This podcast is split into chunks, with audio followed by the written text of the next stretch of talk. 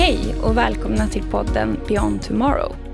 Jag heter Linn Fransson och i dagens podd kommer vi att fokusera på digitalisering inom tillverkningsindustrin och mer specifikt om ämnet MES-MOM.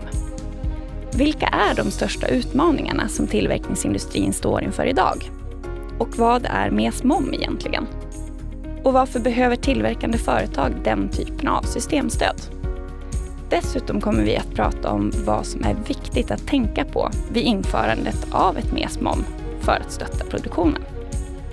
Och för att få svar på de här frågorna så har jag med mig Claes Engman, seniorkonsult på Plantvision med en lång bakgrund inom just tillverkningsindustrin.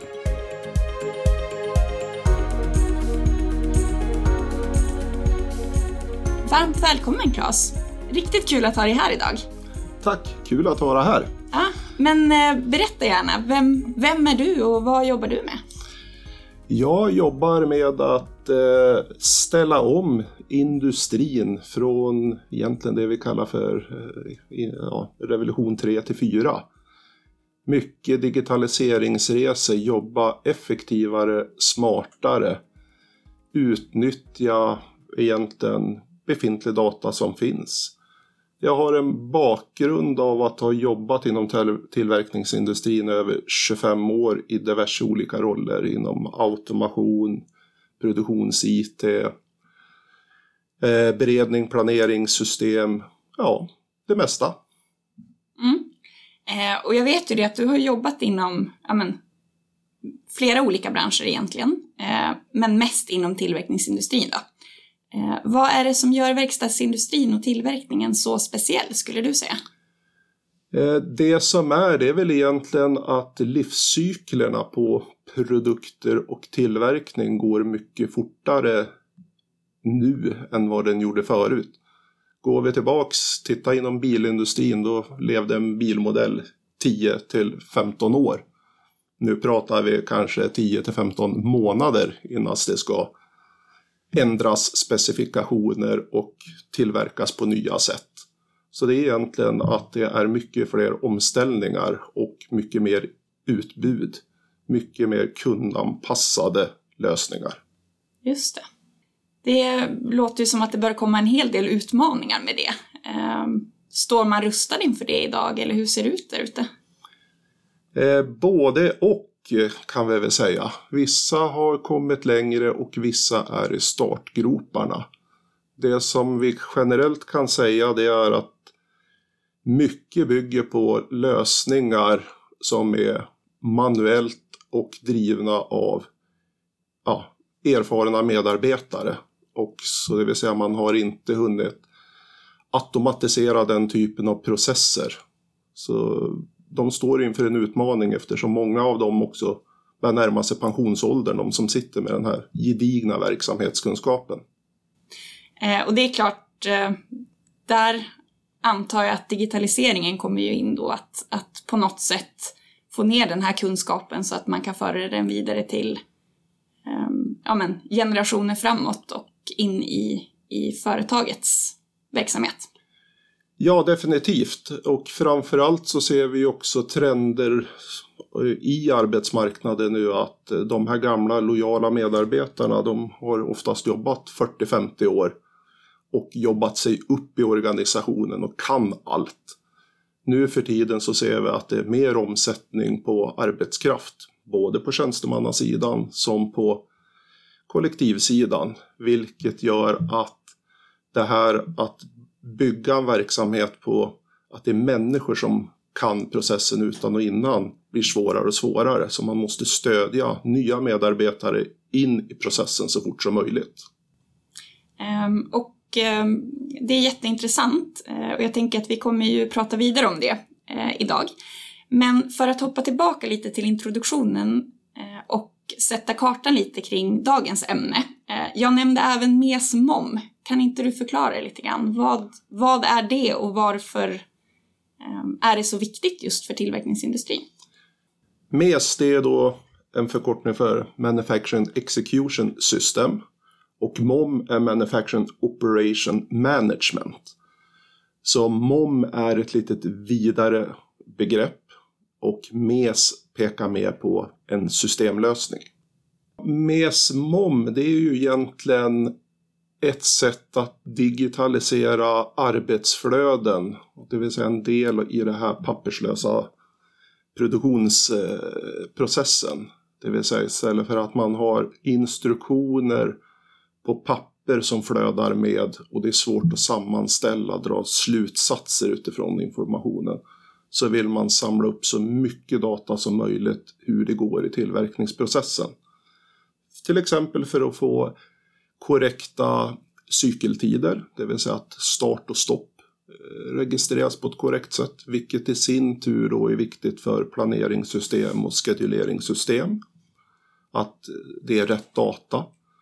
Att man samlar in då rätt ställtider. Det är mycket data som kanske behöver gå vidare till allt ifrån miljösammanställning, det kan vara att fler och fler kunder ställer spårbarhet, att de vill se hur den här produkten var tillverkad steg för steg. Jag har fått uppfattningen när jag har tagit del av undersökningar från till exempel Gartner eh, att många företag är väl insatta i att man behöver digitalisera, man behöver titta på mer lösningar. Eh, det pratas mycket om industri 4.0 som du nämnde och så, men det är ganska få som har tagit riktigt stora kliv på den fronten. Eh, vad är din uppfattning där? Hur, hur långt har egentligen branschen kommit och vad ska man göra då för att ta de här viktiga kliven? Ja, branschen har egentligen inte kommit så långt. Det pratas som sagt var mycket om det. Men det är svårt att komma igång för det är en väldigt stor och komplex fråga. Och du börjar röra i, i befintliga processer så det gäller verkligen att eh, analysera läget och prioritera och framförallt skapa sig en målbild. För det kommer att kräva interimslösningar eh, för att ta sig vidare så man måste hela tiden ha ett mål i sikte. Så mycket är att bilda sig kartan och målet och sen jobba med små ständiga förbättringar. För det är ett alldeles för stort steg för en befintlig verksamhet att över en natt gå från det ena till det andra. Utan det kräver många små förändringar. Och även om vi tittar till branscher som är nya så kräver det väldans mycket modelleringsarbete för att även om man bygger en ny fabrik inom en nytt industrisegment så är det väldigt komplexa frågeställningar att få ihop helheten. Mm.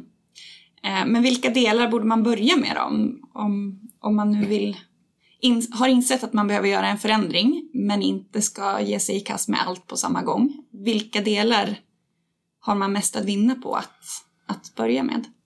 Det är egentligen bygga från människan. För de här initiativen kräver dels ledningens stöd.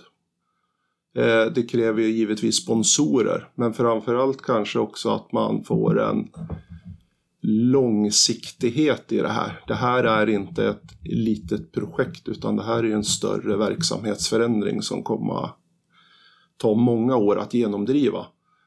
Så ett sätt kan vara att etablera en liten kärntrupp då som med ledningens stöd kan driva de här frågorna över tid. Um, och när man väl är kikar in lite grann under huven på till, hos tillverkande företag mm. så ser man ju ofta en, eh, eh, ja, men ett lapptäcke egentligen av olika systemlösningar. Eh, hur hanterar man den problematiken eller utmaningen?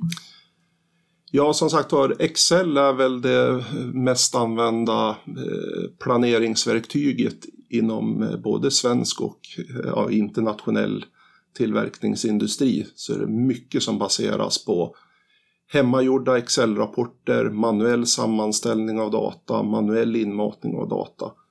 Så egentligen så måste man börja och titta och få sig en helhet om vad har man de högsta vinsterna att börja.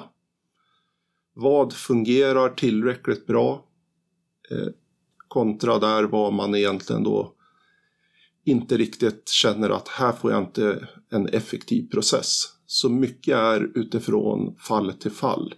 Så där är ingen bransch eller industri den andra lik utan och även tittar man på specifika tillverkningsmetoder så kan det också vara olika drivkrafter eh, ja, som driver på utvecklingen.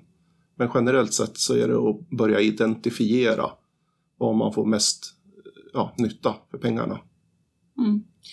Eh, den kompetensen och eh, ja, men metodiken egentligen för att börja identifiera, finns den ute hos företagen eller vart, hur, hur ska man gå tillväga för att ens börja med det?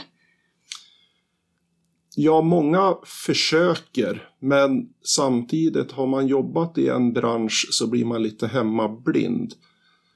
Eh, och där kan ju då aktörer som till exempel vi på Plant Vision som träffar många olika industrier, många olika kundsegment, har sett ja, russinen i kakan på många ställen. Vi har ju en stor erfarenhet av att kunna se saker från, utifrån in-perspektivet. Det vill säga och på det sättet kan vägleda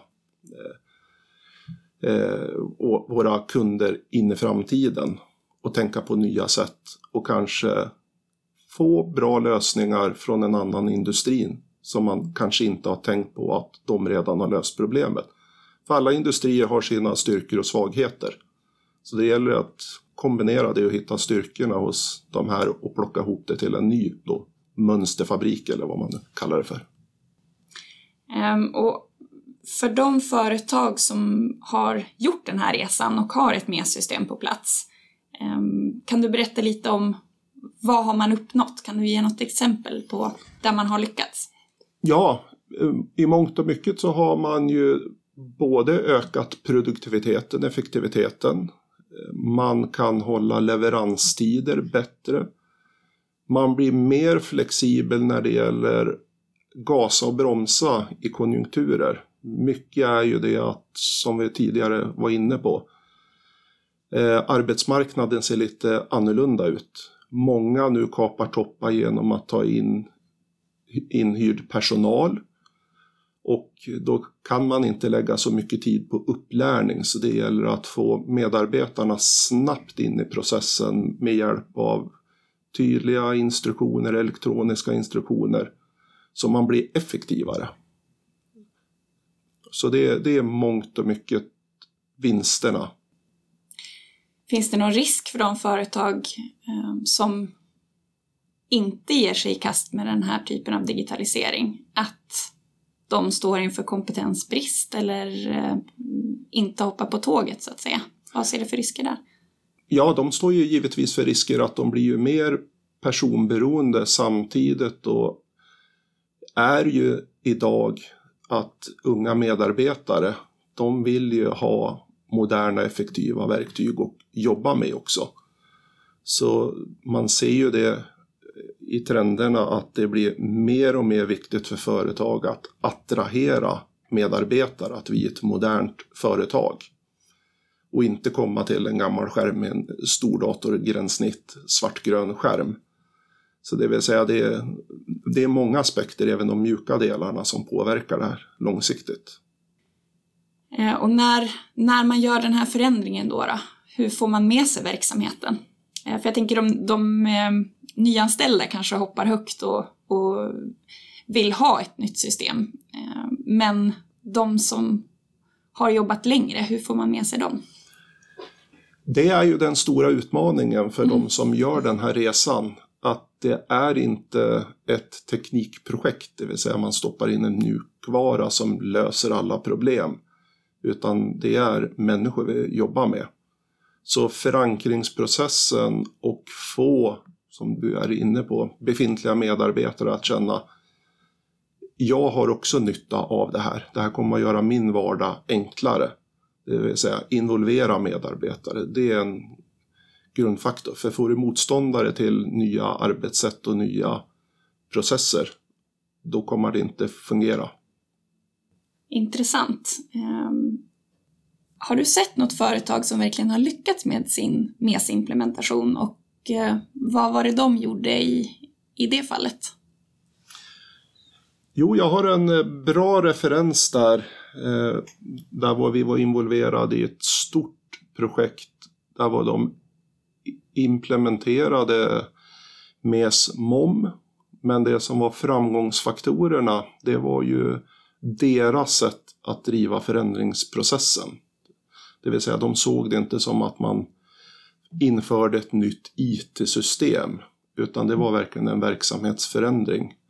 De involverade operatörer tidigt i processen som fick vara med i referensgrupper, tycka till hur de ville ha det, lyfta fram det som var fördelar i befintliga arbetsprocesser, lyfta upp det som ja, fungerade mindre bra i nuvarande processer och det vill säga var med och påverkade lösningen.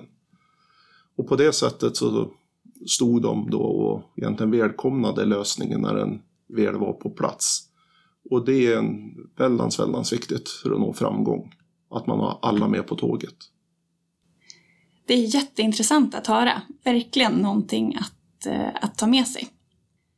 Så för att sammanfatta vad vi har pratat om idag så har jag i alla fall tagit med mig att mesmom, det är ett väldigt brett begrepp och att det har en stor påverkan eh, på hur man lyckas med sin framtida produktion. Ja, för, för MES, det är svårt att definiera som vi kanske har varit inne på. Det rymmer ju allt ifrån att du egentligen godsmottar råvaror till alla produktionssteg, kvalitetscheckar, instruktioner och så vidare och så vidare tills att färdig produkt lämnar fabriken. Så det är stort och brett. Och eh, det är svårt att säga var man ska börja. Det beror ju på den situationen som råder i den verksamheten. Det vill säga vad tjänar man mest på att börja i vilken ände. Det går inte att göra allt samtidigt. Eh, börja där man har mest att vinna helt enkelt. Sen tar jag också med mig att för de tillverkande företag som ska ta steget mot att digitalisera och införa ett MES-momssystem eh, så är ditt tips att helt enkelt börja ja, men, tänka igenom behoven först, göra en plan eh, och sen också att fokusera på att det är en verksamhetsförändring och att det är väldigt viktigt att få med sig människorna i den förändringsresan. Stort tack Claes för att du kom hit till podden idag. Tack, det var jätteroligt att vara här. Ja, Eh, tack också till alla er lyssnare. Om ni vill få reda på mer om just MESMOM och digitalisering av produktion, läsa mer om oss eller komma i kontakt med fler experter inom området så kan du besöka oss på webben www.plantvision.se. Och jag hoppas att ni, precis som jag, har fått mer inspiration och insikter för MESMOM och era framtida digitaliseringsresor idag. Stort tack för att ni lyssnade!